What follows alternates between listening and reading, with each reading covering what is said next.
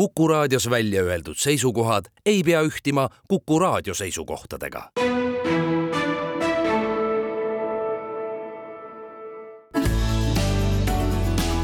keskpäevatund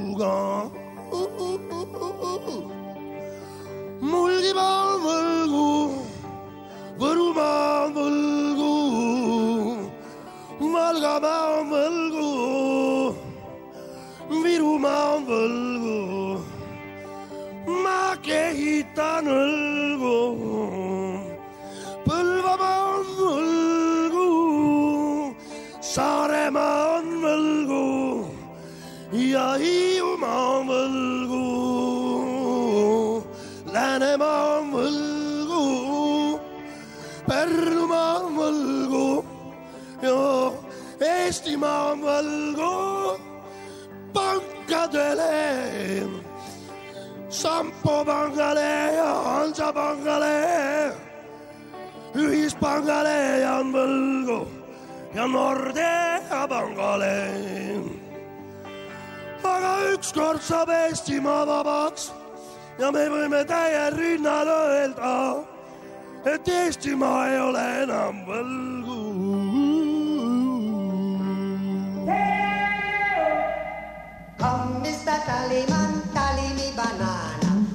Uudiseid koduvabariigist. tere, see on Keskpäevatund ja Kuku raadio. Tallinna stuudios Ainar Ruussaar, Heldur Meerits ja Priit Hõbemägi. Ja hetkeks ka Jan Uuspõld, kes laulis oma laulu Isamaa on võlgu. miks just see laul, aga sellepärast, et riigieelarve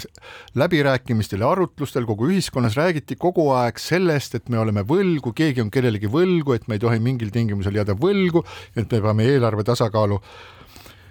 eelarve viima tasakaalu, aga peaasi, et ei jääks kellelegi võlgu. lõppkokkuvõttes ei saanudki aru, et kes jääb kellele võlgu, et kas jääme iseendale võlgu, kui eelarve tasakaalus ei ole. aga sellist tsirkust nagu sellele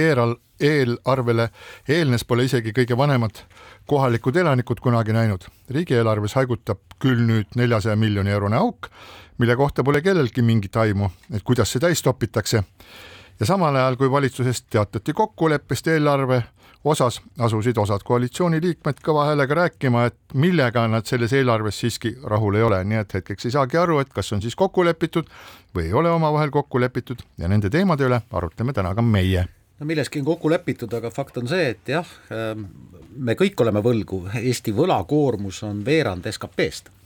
see ei ole küll maailma kõige suurem võlakoormus ja on riike ka Euroopa Liidus, kelle võlakoormus on palju-palju-palju suurem, aga noh, veerand SKP-st või sisemajanduse koguproduktist on ikkagi, ikkagi päris märkimisväärne, aga kindlasti me jõuame sellest ka rääkida, aga riigieelarve seaduseelnõu valitsuses heaks kiitnud äh, kolmikliit ei ole ka ühisel arusaamal, et millal see allamäge minek siis algas, et Kaja Kallas väidab, et kaks tuhat kuusteist, kui Jüri Ratas ja Keskerakond olid äh, valitsuse juhtpartei, Margus Tsahkna Eesti kahesajast väidab, et hoopis kaks tuhat kaheksateist algas see kuluralli, nii et äh, noh, üksmeelt ei ole, aga mõnes asjas siiski on, et äh, kaitse-eelarve on paigas, seda ma arvan, keegi ei puuduta, õpetajate palgatõus on küll jah, nende poolt vaadates väga nigel neli protsenti, aga noh, midagi siiski, piiri väljaehitamine jätkub, idapiiri väljaehitamine jätkub, aga see on ka seotud pigem sellega, et need hanked on tehtud enne, kui seda eelarvet üldse arutama hakati ja noh, fakt on see, et käibemaks tõuseb, hinnad tõusevad, aktsiisid tõusevad, et vaatame ja selle eelarve juures jah, et mõned asjad on tõesti enneolematud, et noh, lisaks sellele neljasajale miljonile X tulule, et, et on seal veel ka sada viiskümmend miljonit säästu, et, et mille kohta ei ole ka teada, et, et kuskohalt see sääst võetakse. Ja kord, kord nüüd siin Eesti lähiajaloos on olnud nii, et, et meil on eelarves sisaldunud ka selline äh, anonüümne sääst jah, aga kordagi varem ei ole olnud sellist olukorda, kus äh, on kirja pandud äh, olematuid tulusid. nii et, et see kindlasti nüüd valitsuskoalitsiooni heast küljest ei näita ja, ja noh, mingi rabelemine ja rapsimine siin on, eks, ja et, et aga nüüd noh, mis selle võlga puudutab, eks, et kui, kui Jan Uuspõld siin alguses laulis, siis tema nagu lõpuks tahtis jõuda, jõuda sinnamaale välja, et, et kõik võlad oleksid ära makstud ja et, et oleks tasakaalus. aga nüüd siin selle riigieelarve puhul tundub nii, et, et see võlg on just meil see rikkuse ja jõukuse ja õnne ja heaolu allikas jah, sest kui, kui sa võlgu võtad, et, et siis sa saad kulutada ju rohkem, kui, kui sul nagu re reaalselt raha on. No ma saan aru nii, et erainimese võlg ja siis riigivõlg on, riigile võetud võlg on põhimõtteliselt erinevad asjad, et eraisik peab oma võlad tagasi maksma, kui ta ei taha, et tuleb pankrotihaldur ja tal kõik äh, minema viib või pank võtab tema korteri või auto, mis iganes, aga riigid ju kestavad lõputult, ega me ju arvesta, keegi ei ütle, et Ameerika Ühendriigid, need kestavad aastani kaks tuhat kolm, kaks tuhat kolmsada nelikümmend viis ja see on kõik. Või nagu me, mida me tahame teha siis oma põhiseaduse järgi. võrdluseks ma muidugi kiiluks sulle vahele, eks, et, et Kreeka kohta on nagu hinnatud, et nüüd see Kreeka iseseisvusaja jooksul, et nad on olnud rohkem kui poole sellest ajast sisuliselt pankrotis, see, mis pole ka nagu väga mõnus just, tegelikult. Kreeka Aga... kohta muide ma ütleks seda, ma just lugesin äh, BBC-st pikka põhjalikku artiklit siis Kreeka majanduse kohta, mis pidi buumima nii mis kole, ehitamine käib hullult, palgad on üleval, inimesed on rõõmsad, raha tuleb, jõuavad maksta oma majanduskriisi võlgu ennaktempos ära ja kõik toimib, aga ma tahtsin nende inimeste ja riikide erinevuse kohta öelda, et et ka meie, kui me Eesti riigist räägime, siis me ju tahame põhiseaduse järgi seista Eesti riigi rahvuse kestmise eest läbi aegade, läbi aegade, meil ei ole sinna pannud mingisugust lõppkuupäeva, mis põhimõtteliselt tähendab seda, et eraisik peab ju kõik ära maksma, aga riigid, nemad saavad võtta äh, saavad laenu võtta, võivad võlgu võtta, võivad elada nende võlgadega, peaasi, et nad äh, saavad äh, ennast äh, ära majandatud korralikult. no jaa, ainult et me räägime väga palju riigieelarvest ja riigieelarve on väga tähtis ja aasta kõige olulisem seadus ja, ja ilmselt võetakse see sellisel kujul enam-vähem ka parlamendi enamikuga, enamikus vastu, aga aga me ei saa keskenduda ainult riigieelarvele, et, et tegelikult noh, see ühiskond on natuke laiem, see puudutab ju ma ei tea, haridust, keskkonda, teid, liikumisvõimalusi ja nii edasi ja nii edasi. Ja selles mõttes on need sõnumid ikkagi mis koos riigieelarvega on valitsusliidult tulnud, kohati veidi segased, et, et millised maksud, mida teevad hinnad, noh, vaatame hindu. et paar kaupmeest on öelnud, et neil on õudselt keeruline praegu hindu tõsta, muide hinnad on tõusnud äh, arvestuslikult aasta jooksul või tõusevad aasta jooksul umbes üheksa protsenti, äh, noh, see on päris märkimisväärne hinnatõus, aga mitmed kaupmehed on, on öelnud, et nad on ka teatavas segaduses, et ühtepidi äh, võiks nagu hinda tõsta, aga teistpidi on see, et kui niikuinii tõuseb käibemaks, mis tõstab omakorda niikuinii hindu, siis tegelikult kaks või kolm korda mingisuguste kaupade hindu tõsta noh, ei ole jälle nagu,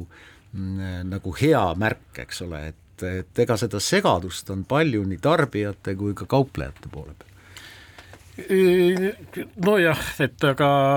koos inflatsiooniga nad ilmselt seal praktikas ikka on mingi lahenduse välja mõelnud, et see käibemaks on ainult üks hindasid mõjutav tegur. aga kui ma veel nüüd tagasi tuleksin siia riigieelarve juurde, et, et, et Indrek Saulil on selline nagu üsna, üsna teravmeelne vaatlus ja et, et kus ta nagu tõdeb seda, et, et, et jah, Soomes on äh, küll äh, maksukoormus kõrgem, aga Soomes on ka skp inimese kohta kõrgem. nii et, et kui äh, soomlased need suuremad maksud ära maksavad, siis äh, neil lõppkokkuvõttes on nad ikkagi rikkamad kui eestlased oma madalama maksukoormusega. ehk et et äh, millele nüüd selle riigieelarve juures siis nagu ikkagi äh, fookust panna, eks ja et, et Kaja Kallas ja Mart Võrklaev tunduvad olevat seda meelt, et et kulusid ei ole, õnnestu kuidagi vähendada või, või tagasi hoida, eks ju, et, et see tundub see nende poliitiline tarkus olevat, eks ju.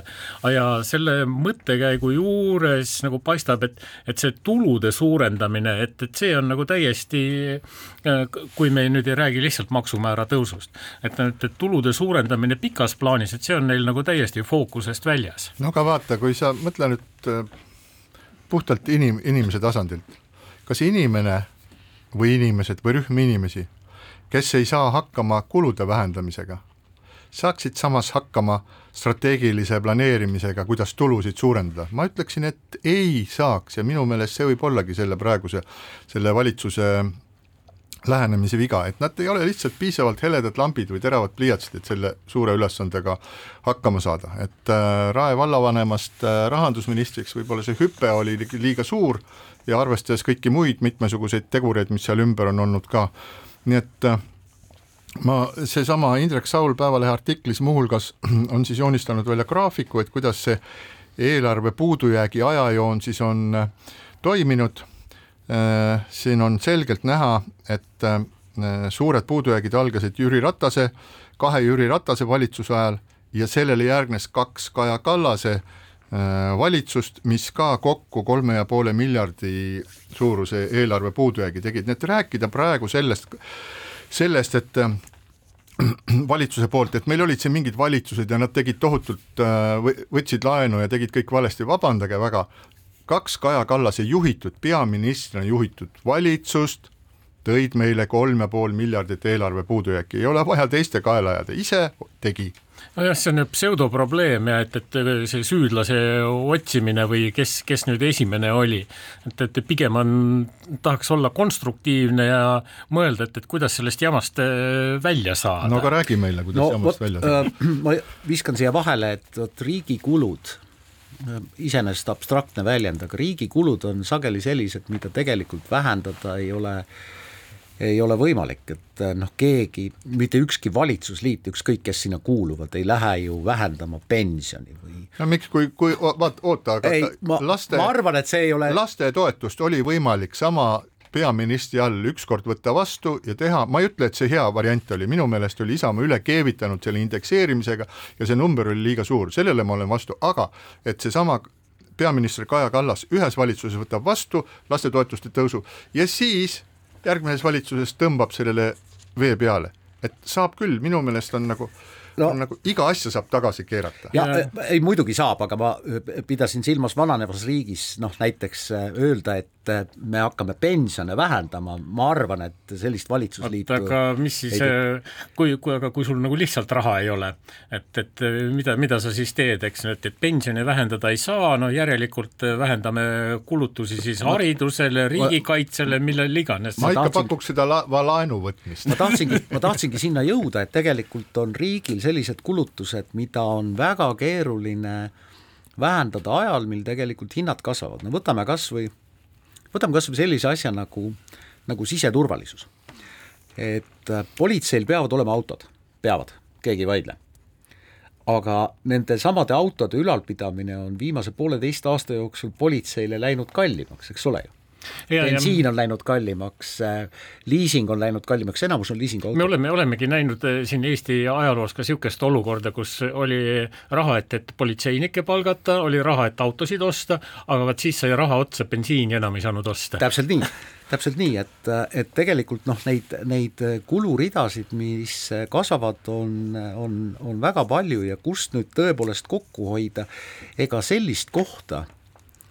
kus öelda, et nüüd, tänasel päeval, tänases julgeolekuolukorras äh, vot sellest, sellelt realt võtame ära, ma ei tea, kaks protsenti või ühe protsendi, noh,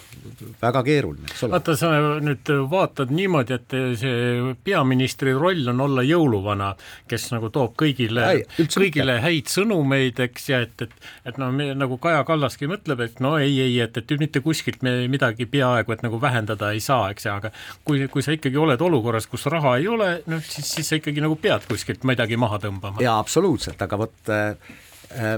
ma tahtsingi sinna jõuda, et väga palju räägitakse, tuleb kärpida, tuleb kokku hoida, ministeeriumitele ja riigiasutustele anti ka ülesanne kokku hoida, paljud seda ka,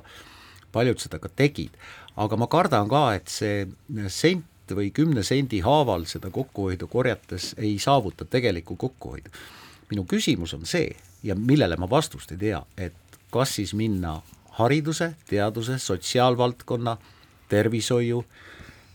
või riigi julgeoleku kallale, et seal, seal on need kohad, kus tegelikult saaks võtta ära tohutu summa, ainult see tagasilöök ilmselt pikas perspektiivis läheks veel kallimaks ma ikkagi küsin, et kas me oleme siis, kas Eesti Vabariik on nüüd sellises olukorras, et nüüd, nüüd ongi nii, et tuleb hambad varna panna või? kui ma, kui ma vaatan uue Ameerika Ühendriikide välisvõlga, siis äh, mis on mingi kolmkümmend triljonit dollarit ja kas nad maksavad ühes päevas miljard dollarit siis äh, intresse. et äh, riigid äh, võtavad laenu, riigid äh, elavad sellega, nüüd meie praegune põhiline probleem on see, et Reformierakond Kaja Kallase juhtimisel on võtnud endale pähe maksku, mis maksab ajada sedasama poliitikat, mida nad on ajanud varasematel aegadel, kui majanduskeskkond maailmas oli teistsugune, kus ei olnud sõda, kus oli olnud seda, teist, kolmandat, neljandat, viiendat ja mulle tundub, et kuna, et nende tööriistakast on saanud tühjaks, nad ikka püüavad neid samu instrumente äh, kasutada taas ja nüüd me peame, peame vähendama maksimaalselt äh, riigil ole-, riigi ees olevat võlga. Ja miks, ja miks seda siis me teeme, et jälle me ei ehita mingeid teid, me istume nii-öelda käed põlvedel, ma ei tea, äh, teed, suured põhimaanteed on välja ehitamata ja siis räägime sellest, et kahekümne esimene sajandi me räägime sellest, et kahe tuhande kolmekümnendaks aastaks saame põhimaanteedele teha siis kolmerealised teed, no see on ju täielik absurd ja nali ju, kuidas see, kuidas üldse niimoodi saab riiki juhtida? vaatame korra ajaloos tagasi, et äh, mul on silma jäänud, Andrus Ansip juhtis kolme valitsust aastatel kaks tuhat seitse kuni kaks tuhat neliteist. mis oli aastatel kaks tuhat seitse kuni kaks tuhat neliteist? majanduskriis, Gruusia sõda, Venemaa agressiooni algus Krimmis ja Donetskis, ehk siis tegelikult see olukord oli ka väga keeruline, aga kõik me oleme elus, tulime aastal kaks tuhat seitse kuni kaks tuhat neliteist sellest olukorrast välja, ka tookord oli inflatsioon päris kõrge, ehk siis ma arvan, et me võib-olla räägime ja tookord ei olnud, eh, minu meelest ei olnud metsikuid kärpeid, ma küll mäletan, et eraettevõtjad kärpisid eh, ajutiselt. Äh,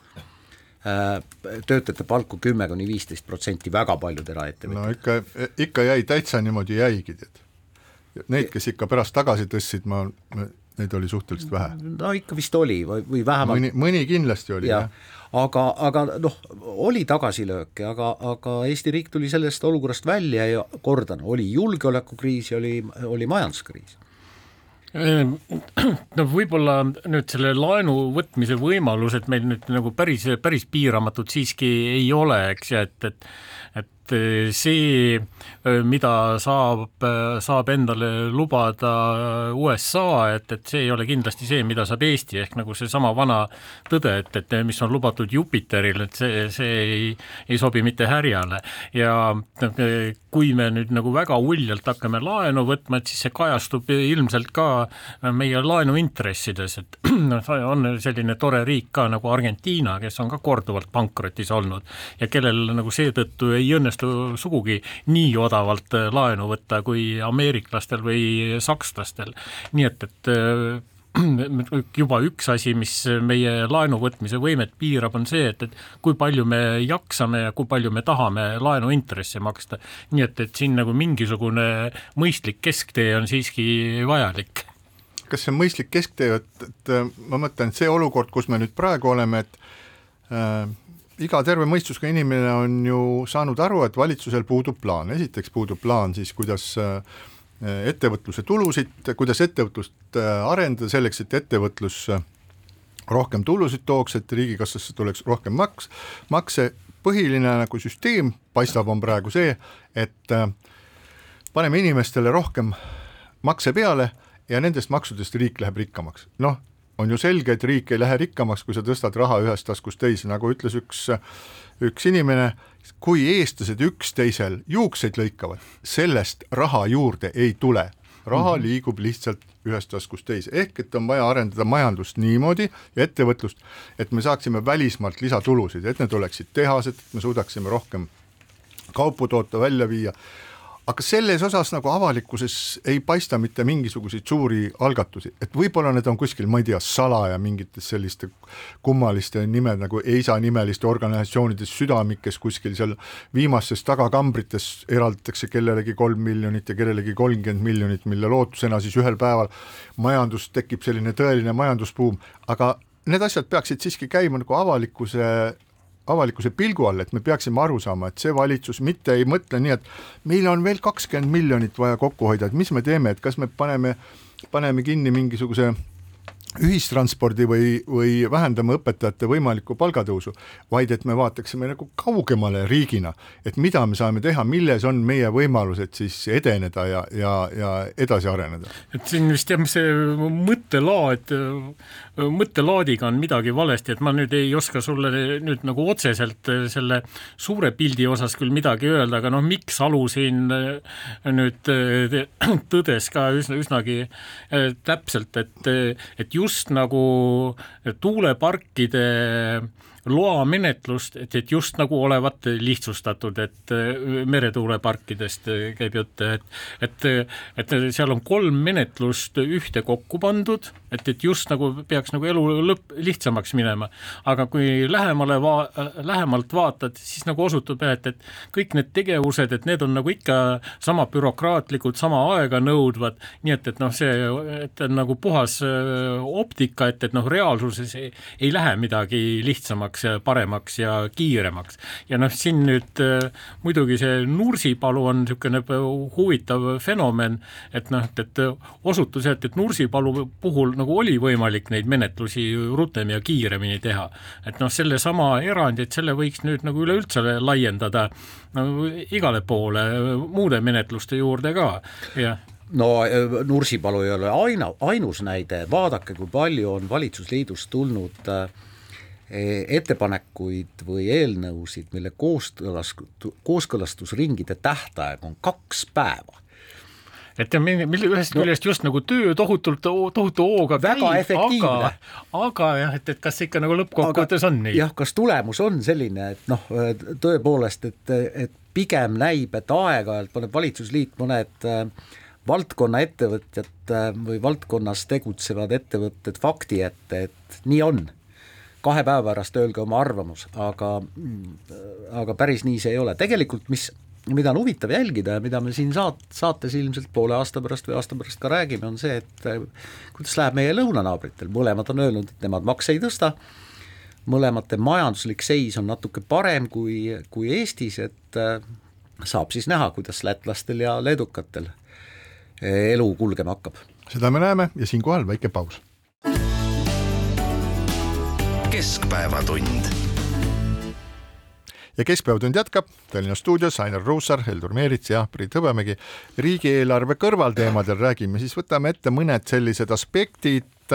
mis lähevad meile paljudele inimestele korda, sellepärast et eks selle riigieelarve üle võib ju abstraktselt rääkida, aga kui päris täpselt me, kui me ei puuduta seda, kuidas see meie endi igapäevast elu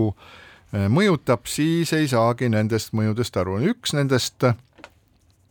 allteemadest on maakondliku ühistranspordi, maakondliku tasuta ühistranspordi väljalülitamine. teatavasti kunagi siis Keskerakonna poolt toodud aastas alguses vist nelikümmend miljonit, siis juba kuuskümmend miljonit maksma läinud tasuta ühistransport, mis andis sellise tõsise hoobi täiesti korralikult välja kujunenud kommertsvedudele ja rikkus selle turu ära ja tänaseks oleme siis jõudnud nii kaugele, et valitsuses Keskerakonda ei ole ja äh, sotsid, Eesti kakssada ja eesotsas Reformierakonnaga, siis on otsustanud, et jaa, et sealt oleks võimalik mingisugune raha ma ei tea, nelikümmend miljonit eurot kokku saada, et lülitame selle tasuta ühistranspordi välja, jätame mingisuguse väikse piletihinna, nüüd see see meie vormi kasutamine ei tähenda seda, et ma oleksin kuidagi sellega seotud, vaid noh, ma ütlen nagu püüan ennast panna sellise valitsuse positsiooni, et jätame siis pooleteise eurose äh, piletihinna te või teeme mingisuguse kuupileti ja las nad siis äh, vaikselt tiksuvad, et need, kellel on äh, raha sõita autoga, sõidavad autoga, kes tahavad minna linna odavamat kraami ostma odava piletiga, sõidavad sellega ja et, et see, need hinnangud, et, et, et nelikümmend eurot, miljonit õnnestub sealt äh, ühistranspordi arvelt kokku hoida, et see, need on vist ikka liiga optimistlikud, et et noh, kui siin sellised esialgsed hinnangud, et et see ühe otsa pilet maksab sul poolteist või kaks eurot ja, ja kuukaart kakskümmend või kolmkümmend, et siis nagu ei jooni, ei tule sealt sugugi nii suuri summasid välja, aga vähemalt see areng on positiivne ja õiges suunas. ei ole, Heldur, ei ole. see on algusest peale viltu läinud. kuid ja kuid räägiti automaksust, sellest, et automaks aitab säästa keskkonda, inimesed kasutavad vähem autosid ja kasutavad rohkem ühistransporti, palju õnne. nüüd, kui tuleb ühistranspordipilet, mis ei ole võib-olla tõepoolest nii kallis, aga see eeldab totaalset ühistranspordi, ma ei räägi Tallinnast, vaid maakonnast, ühistranspordi ümberkorraldamist. see eeldab seda, et kui ma olen valmis pileti eest maksma, siis ma ka saan bussiga sihtkohta, kuhu mul on vaja liikuda. kui te vaatate praegu praegu mõnede busside liikumisgraafikat, siis kõik teavad, mis on Käsmu, kõik teavad, kui kihvt koht on Käsmu, aga ilma autota paraku päevaks Kuradisaarele oma lapsi ei vii, sellepärast et buss lihtsalt ei sõida sinna. Mitte no, Kuradisaarele, vaid kä-, Käsmu sõidab kord päevas. no võin sind lohutada, et, et minu elukohast ka, et kui ma tahan vallakeskusesse või, või Tallinna, et, et mul on sellega ühistranspordiga ainult kaks korda päevas äh, võimalus, aga täpselt. Ja, ja ja, ja kehtestage piletihind, tehke pooleteist eurone või kolme poole eurone või kolmekümne viie eurone piletihind, aga sellest ei ole mitte midagi abi, kui ühistranspordiga mõnda kohta ei saa. no vaata sa saadki selle transpordi ja kõige muu puhul, saadki just nagu seda, mille, mille eest sa maksad, eks, et, et et kui sul on see tasuta, siis on see nagu päris kehv, noh, maksad euro või poolteist, noh, et, et siis on küll natukene parem, aga noh, ka mitte midagi erilist. no võib-olla kõige paremini on see näha olnud lennukipiletite hindades, eks. et see surve lennukipiletite hindade alanemisele on olnud tarbijate poolt väga kõva, aga noh, et, et selle hind on ka see, et, et sulle ei pakuta enam mingeid luksuslikke lõunaid seal, noh rääkimata sellest, et lendude ärajäämine on nagu palju, palju suurema tõenäosusega või et sa ümberistumisel jääd maha, aga noh, tänu sellele on sul jälle odavamad hinnad. nii et, et noh, kui sa tahad meie kohalikul ühistranspordil suuremat kvaliteeti, siis ilmselt peaks nagu need hinnad ka kõrgemad olema. nojah, ümberistumislennukitest rääkides, ümberistumisega mahajäämine on üks variant, aga teine variant on see, et sul lihtsalt on sihtpunkte, kuhu lennates sa pead olema kuus või seitse tundi mõnes lennujaamas, et oodata edasilendu ja see läheb lõppkokkuvõttes kallimaks kui see kallis lennukipilet. ja, ja. ja no sa enne puudutasid, Ainar, siin seda ka automaksu, et ähm, aset tegid sellise, sellise vastanduse, et äh, aga on ju vastandus. tasuta ühistransport ja automaks ja, ja jaa, tõepoolest selle automaksuga noh, nagu õnneks see meid nüüd ei taba veel nüüd kohe, aga küllap seda kuskil küpsetatakse ja siis me saame jälle mingisugust imet näha, et meil on nagu, nagu siin enne juttu oli, et see maksude kehtestamine äh, ei tugine mitte sellisele strateegilisele planeerimisele, vaid tugineb sellele, et meil on vaja nelikümmend miljonit, sada kakskümmend miljonit ja siis kustkohast me selle asja saaksime saada aga ma veel korraks jätkaks seda äh, automaksu versus äh, ühistransport äh, teemat, et et no võib-olla sul, Ainar, oli niisugune vaikiv eeldus, et, et mingi asi peab nagu inimesele tasuta olema. aga ma arvan, et, et ei pea olema tasuta ilmtingimata. järelikult ma väljendasin ennast segaselt ma tahtsin öelda seda, et automaksust rääkides rääkis rahandusminister ja rääkisid mitmed valitsuskoalitsiooni liikmed, et selle üks eeldus on nii-öelda rohepööre või roheline mõtteviis, et inimesed kasutaksid autot mõistlikult ja mm -hmm. kasutaksid autot vähem. nüüd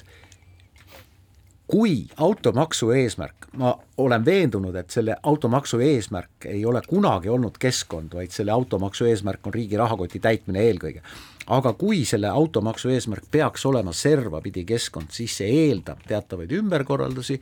ühistranspordivõrgus. Paratamatult nii see on, muidu ei hakka keegi vähem autot kasutama. no võib-olla ma siis äh nagu lohutaks sind, eks, et, et kui nüüd ühistranspordist tuleb see pilet, et võib-olla siis läheb ühistransport paremaks, järsku see siis töötabki koos selle automaksuga äh, selle noh, inimeste kulude vähendamise suunas et aga no okei okay,, et, et see on Kui nagu sul... natukene pastakast välja imetud mõttekäik. Võib... ma, ma väga loodan, et sul on õigus. sellest võib rääkida loomulikult lõputult, aga, aga üks äh, huvitav trikk kulude ümbertõstmisega tehti siis selles äh, riigieelarves töötuskassaga. nimelt on siis, makstakse siis äh, töötuskassast välja nii äh, töötukindlustushüvitist, mille inimesed siis on ise maksudena sisse maksnud, kui ka töötu, töötu abiraha ja töötu abiraha kannab sinna sellesse Äh, kassasse siis äh, riik. Ja nüüd on Majandusministeeriumi real, me näeme seal sellist nagu suurejoonelist liigutust, et kuidagi on sealt nagu kokku hoitud sada kolmkümmend miljonit eurot kokku hoitud, fantastiline, üks, me oleme selles saadetes varem rääkinud, ükski teine ministeerium sellist nagu imetrikki ei suutnud teha. ja mis seal siis nagu tegelikult tehti, et see mõte oli siis selles, et et riik lõpetab nii-öelda riigieelarvest töötute abiraha maksmise see tegevus nihutatakse siis Töötuskassa peale, kellel on reservid ja Töötuskassa hakkab siis neid äh, asju maksma, ehk et sinna tuleb nagu, lisandub neile kulu veel üle saja,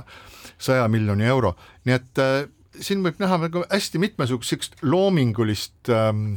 kuidas seda öeldakse, nagu loomingulist eelarvestamist, inglise keeles öeldakse seda selle kohta vist umbes niimoodi, et cooking the books, et äh, eelarve pannakse ahju ja küpsetatakse ta täpselt selliseks nagu vaja on. ja loominguliste liitude kõrval jah, nagu sinna võiks ka loominguliste, loomingulise raamatupidamise liidu äh, lisada, eks jah, aga nüüd mis puutub seda töötukindlustust, et noh, et, et kui, kui see on nüüd nii, nagu sa räägid, räägid, noh, et täpselt me veel ei tea, eks, et äh, siis see tähendaks lihtsalt, et äh, me võtame Töötukassa reservid kasutusele. Neid reserve oli kolm aastat tagasi kuus miljonit,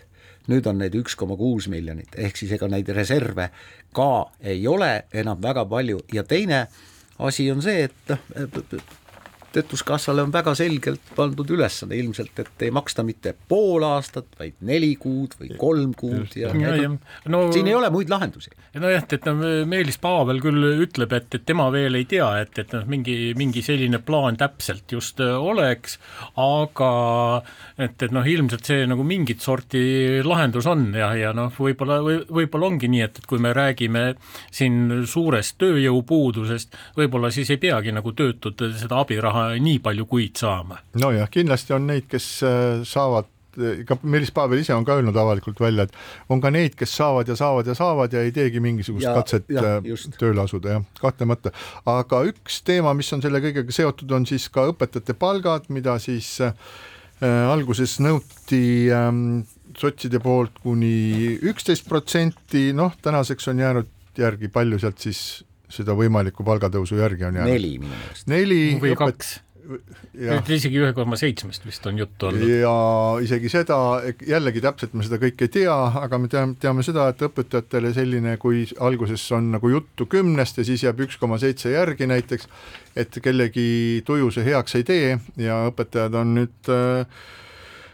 rääkinud ka streigi võimalusest ja praeguseks hetkeks on asi siis jõudnud äh, riikliku lepitaja kätte aga ajal, mil taotakse rusikaga vastu lind, rinda ja öeldakse, et haridus, me oleme säilitanud haridusele tehtavad investeeringud, kõrgkoolid, õpetajad, kõik midagi saavad ja siis läheb kaks nädalat mööda, siis tuleb välja, et ikkagi päriselt nagu tegelikult ei saa et see kõik jätab sellise nagu väga viletsa mulje. aga noh, siin peaks üldiselt ka seda taustsüsteemi vaatama jah, sest tegelikult Eesti kulutab haridusele nagu selgelt selgelt rohkem, kui, me mõõdame protsendina skp suhtes, et selgelt rohkem kui OECD keskmine jah, ja no et, et see ongi selline vastuoluline situatsioon, kus me kulutame palju, aga millegipärast nüüd nagu õpetajate palkadeks ei jagu. Ja, noh, kui kui sa lähemalt vaatad, noh siis sa näed, et, et hariduskuludes õpetajate palkade osakaal on nüüd sellest samast naabrite, edukate naabrite omast nagu selgelt väiksem, ehk et meil seal hariduses on sees selliseid kulusid, et, et mis ilmselt ei ole mõistlikud. aga jah, noh see hea uudis selle juures on see, et Haridusministeerium on palganud ka Jaak Aaviksoo, et, et kes on, kes tunneb haridust hästi ja kes tunneb numbreid hästi, nii et, et noh, küllap ta üles leiab selle koha, et, et kus kohal see haridusraha siis põleb, ainult et noh, muidugi nagu selle, selle eelarve, järgmise aasta eelarve kontekstis siin nagu jah, ei jõuta ilmselt midagi olulist ära teha. sa kindlasti Riik... mäletad seda, et kui Jaak Aaviksoo oli haridusminister, et siis ta siis äh, tema eestvõtmisel korraldas Isamaa tasuta, nii, nii-öelda tasuta kõrghariduse reformi, mille äh, tulemusega me oleme, mille, mille tagajärjel me oleme jõudnud sellesse kohta, kus me oleme, ehk et äh, ülikoolide rahastus on jäänud väga väikeseks ja kõik rektorid ja rektorite nõukogu räägivad sellest, et see nii-öelda tasuta kõrghariduse süsteem tuleb ära lõpetada ja sellega on nõus ka Jaak Aaviksoo ise, nii et ma loodan no,, et Jaak kuna, Aaviksoo on sellest kogemusest õppinud, õppinud nii palju, et ta ei äh, tekita järjekordset reformi, mida tuleb kümne aasta pärast kui me nüüd läheme peenmehaanikasse, siis ma noh, nagu võib-olla eks ei ole nagu päris korrektne, et see oli Jaak Aaviksoo eestvõtmisel, et, et see oli üks Isamaa oli... Üks Isamaa suur, neljast suurest valimislubadusest. Need olid jah, need Isamaa poliittehnoloogid jah, et, et kes selle mõtteni jõudsid, aga mitte no Aaviksoo. aga tema aga..., tema viis läbi selle ju. aga et, et üks asi oleks selge, nii palju kui üldse midagi selget saab olla, siis riigieelarve eelnõu viiesaja leheküljelisel seletuskirjas on selline lause riigitöötajatest tõuseb ainult õpetajate palk keskmiselt neli koma kolm protsenti. no okay. saame näha, no et vaat... siis äh, see eeldab siis nagu väikest õpetajate arvu vähenemist järelikult. see on ka võimalik, aga no vaatame, mis nädala pärast, kui me järgmist saadet teeme, et kuhu see, mis sellest protsendist on nüüd saanud. aga noh, et nii palju nagu võib-olla ehk võiks valitsust kiita, et, et noh, kuigi nagu suur pilt on noh, niisugune kaos ja noh, just nagu õiget sihti ei tundu olevat, siis vähemalt nagu nendes väiksemates asjades midagi tehakse ja mingi, mingi võitlus käib. ja siinkohal väike paus. keskpäevatund. keskpäevatund jätkab, Ainar Ruussaar, Heldur Meerits ja Priit Hõbemägi ja räägime nüüd ka natukene muudest asjadest ootamatult populaarseks osutusid LHV panga võlakirjad, selle kohta on isegi öeldud, et tegu oli uute rahvavõlakirjadega, mis ei ole tegelikult õige, sellepärast et rahvas neid võlakirju ei saanud, aga ajal, mil räägitakse kogu aeg sellest, et riik on võlgu ja inflatsioon on kõrge ja inimestel väga raha ei ole ja ega siis need ettevõtjad ei ela mingisuguses teistsuguses keskkonnas, siis kui üks suhteliselt väike pank teeb oma võlakirjade äh, toob oma võlakirjad turule korraga, osutub, et seal on tohutu hulk inimesi, kes tahavad oma raha paigutada võlakirjadesse, no mikspärast see ometi niimoodi on? No jah, et, et seda jah, ei osanud keegi ette aimata, et, et see ülemärkimine ja populaarsus nagu nii, nii suured olid ja et et noh, ilmselt siin nagu mitu, mitu asja ikkagi langesid kokku, et, et et see emitent tundus usaldusväärne ja dünaamiline ja, ja intressimäär nagu oli ka hoiuste kõrval üsna, üsna seksikas. Ja, ja noh, võib-olla veel mingisugune X-faktor, aga noh, nii, nii see igastahes oli ja, ja noh, selle kõrval me nüüd näeme ja et, et ka pankade, pangahoiustel on nüüd selline uus standard tekkinud ja et, et kui siin nagu mõne kuu äh, eest oli nagu näha, et, et üks pank proovis ühte ja teine teist intressi, siis nüüd nagu tundub, et ka kaheteistkuuliste hoiuste puhul on nagu kõik pangad nagu leidnud, et see neli ja pool protsenti on nüüd tänasel päeval just see õige tase. kas Konkurentsiamet peaks nüüd hakkama uurima, et kas meil on olemas pankade kartell nii või, või ei ole, täpselt nii, nagu meil ei ole ka kütusefirmade kartelli, kes äh, sekundilise täpsusega sünkroniseerivad kütusehindu erinevates jaamades? no ilmselt nii, nagu kütusefirmadel on nagu võimalik vaadata, mida naaber teeb, eks, et, et noh, niimoodi ilmselt ka pangad natukene vaatavad, et mida, mida üks või teine teeb ja, ja ilmselt nagu kõiki see praegune olukord rahuldab jah, aga on, võib olla nagu üsna kindel, et, et see ei ole nüüd kivisse raiutud aastateks ja et, et et noh, võib-olla, võib-olla on nii, et, et kahe kuu pärast mõni pank alandab seda praegust taset, aga võib-olla, võib-olla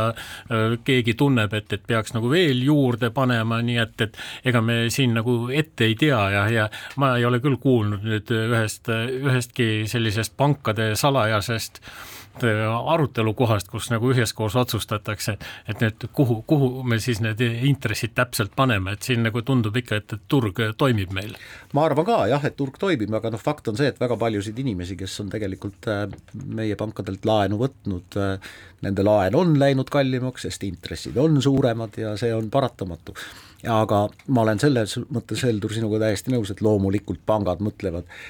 iga kliendi peale ja mõtlevad ka selle peale, kuidas oma klienti, kliente hoida ajal, mil tegelikult need intressid ja intressimäärad lähiaastatel ilmselt langema ei hakka, ehk siis laenud ilmselt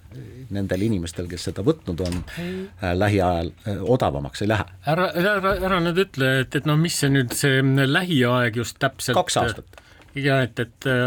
noh, selle, selle aja peale nagu pigem mina teeks ikka panuseid, et Euribor pigem ikkagi langeb et, et kahe aasta perspektiivis, et, et noh, võib-olla annaks jumal, et sul on õigus. noh, võib-olla see aasta pärast ehk võib-olla see niimoodi ei juhtu, aga no et üldiselt sedasorti ennustamine on kahtlemata hästi, hästi tänamatu et.... väga, kaks finantsisti omavahel vestlevad siin, väga huvitav, aga ma tuleks niisuguste maisemate teemade juurde siit, et ähm, sel nädalal oli kaks sellist meie peaministri perekonnaga seotud kaks huvitavat juhtumit. et üks oli see, et ähm, peaministri abikaasa Arvo Hallik siis ähm, esitas nii-öelda hagi ähvarduse arvamusajakirjanike vastu, kes avaldas oma artikli Eesti Päevalehes ja mm, esitas siis tuhande viiesaja kroonise eurose. Euro, vabandust, tuhande viiesaja eurose nõude, et äh, millele siis äh, jaa, millele siis oli äh, meediaväljaanne, siis oli äh, pandud äh, seljaga vastu seina, nüüd teine see sündmus, mis toimus, oli see, et Kaja Kallas esines siis BBC saates Hard Talk, kus ta pidi siis rääkima oma oma abikaasa idaskandaalist ja noh, need, kes seda tähelepanelikult seda saadet vaatasid, et siis ütlesid, et noh, et kõik need äh, väited, mis on meil siiamaani avalikkuses kõlanud, et kõlasid nüüd siis ka nagu Euroopa vaatajatele. Ja kõik kokku, nende kahte asja kokku pannes ma võiksin nagu tõmmata sellise joone sinna alla, et ähm, peaminister oma perekonnas ja võib-olla siis ka selliste nõuandjate abiga on, on jõudnud seisukohale, see kõik läheb mööda, paneme tuima, ajame kõiki tagasi, kui keegi hakkab midagi õiendama, lööme hagi laksti lauale ja valitseme rahulikult edasi, täpselt nii, nagu Kaja Kallas kunagi aastaid tagasi ütles, et saaks see kriis ometi mööda, saaks juba valitsema hakata. no jaa, Hard Talk on väga tõsine saade BBC-s. Ehm, ja Kaja Kallas selles saates on loomulikult Eestile väga tähenduslik, aga eh, selles samas saates Kaja Kallas ütles ju kui saatejuht küsis, et opositsioon on kutsunud teid tagasi astuma, isegi president on teid noominud ja küsitluse kohaselt soovib kuuskümmend üheksa protsenti Kaja Kallase lahkumist ähm, peaministri ametikohalt, siis äh, Kallas vastas, et see on poliitika. ja ütles ka selle peale, et aga kolmkümmend protsenti toetab teda peaministrina, nii et äh, tulebki sada protsenti täis, seitsekümmend tahab, et lahkub, kolmkümmend protsenti toetab, tegelikult Reformierakonna ja Kallase toetus viimaste küsitluste järgi äh, Reformierakonna toetus on küll natukene langenud, aga see on ikkagi märkimisväärselt kõrge, et et et äh, see on, on oma fenomen, et ilmselt on ikkagi Reformierakonnal selline äh, selle sõna kõige paremas mõttes teatud, teatud usklik ja optimistlik toetas. sektantlik äkki? no mina seda ei öelnud. et irruhambad on ka nagu juba ju amm-, tükk aega tagasi soovitanud ja et, et see, et nüüd oleks õige aeg Facebooki grupi jaoks, et, et usume Andrus Veerpalu ja Kaja Kallast.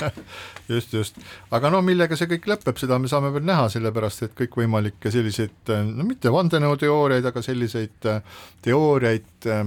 siiski liigib küllaltki palju, et äh, sellel nädalal me saime ka lugeda sellest, või isegi kuulata siis Kersti, Kersti Kaljulaiu intervjuust Vikerraadiole sellest, kuidas ta ka tema on Kaja Kallasega rääkinud siis äh, NATO peasekretäri kandidatuuri teemadel, kuigi sellest tekstist äh, jäi mulle segaseks see, et et kes neist siis oleks pidanud NATO peasekretäriks saama ja mis asja nad seal omavahel, omavahel arutasid, aga paistab, et äh, nendest Eesti juhtivatest naispoliitikutest kipuvad need kohad kõik siiski mööda minema, on see siis OECD peasekretär, mida siis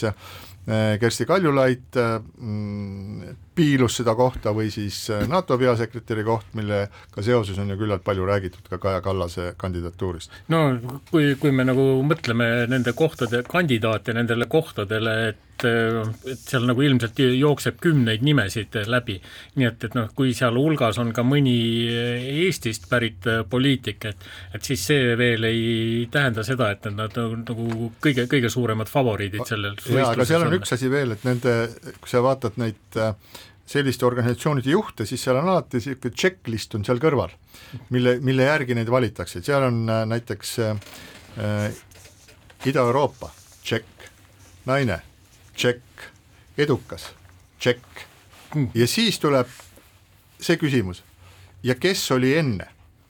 et seal ei tohi olla enne ees naist ja seal ei tohi ees olla idaeurooplast, et see peab nagu omakorda mingisuguse niisuguse, see on nagu variatiivsuse tšekk tuleb ka sinna teha. ja kui need kõik asjad nagu langevad kokku, siis on võimalus sinna pääseda, kui need kokku ei lange, sest on olnud seal juba kaks naist või eelmine oli ka Ida-Euroopast, ühesõnaga siis pole midagi teha, et selles elus seda võimalust enam ei tule. siis, siis sellest veel ei tulene, et tegemist on meeste vandenõuga. ja, ja noh, Priidule lisaks, et seal on veel ka sellised asjad, et kui suur on riik, kui võimas on riik, et kaks suurt riiki järjest ei saa olla ja, ja nii edasi, nii edasi, nii et see on päris ühtepidi lihtne, aga teistpidi päris keeruline Exceli tabel, mille järgi seda kandidaadi kandidaati üldse sõelutakse. jah, nii on ja siinkohal lõpetame oma tänase saate, täname teid kuulamast ja kohtume taas nädala pärast. keskpäevatund